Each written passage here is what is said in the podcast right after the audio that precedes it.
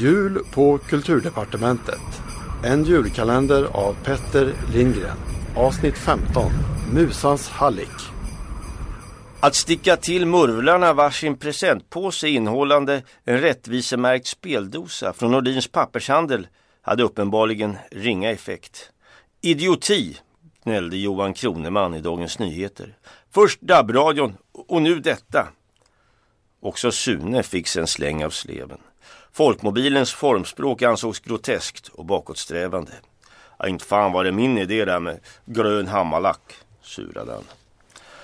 Strutkillen föreföll dock till freds och att från vänsterhåll Bromander beslås med epitetet musans hallick verkade snarast göra honom upprymd.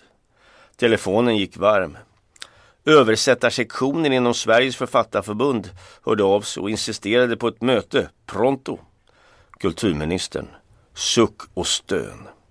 Inte heller Anders Bodegård verkade med på noterna.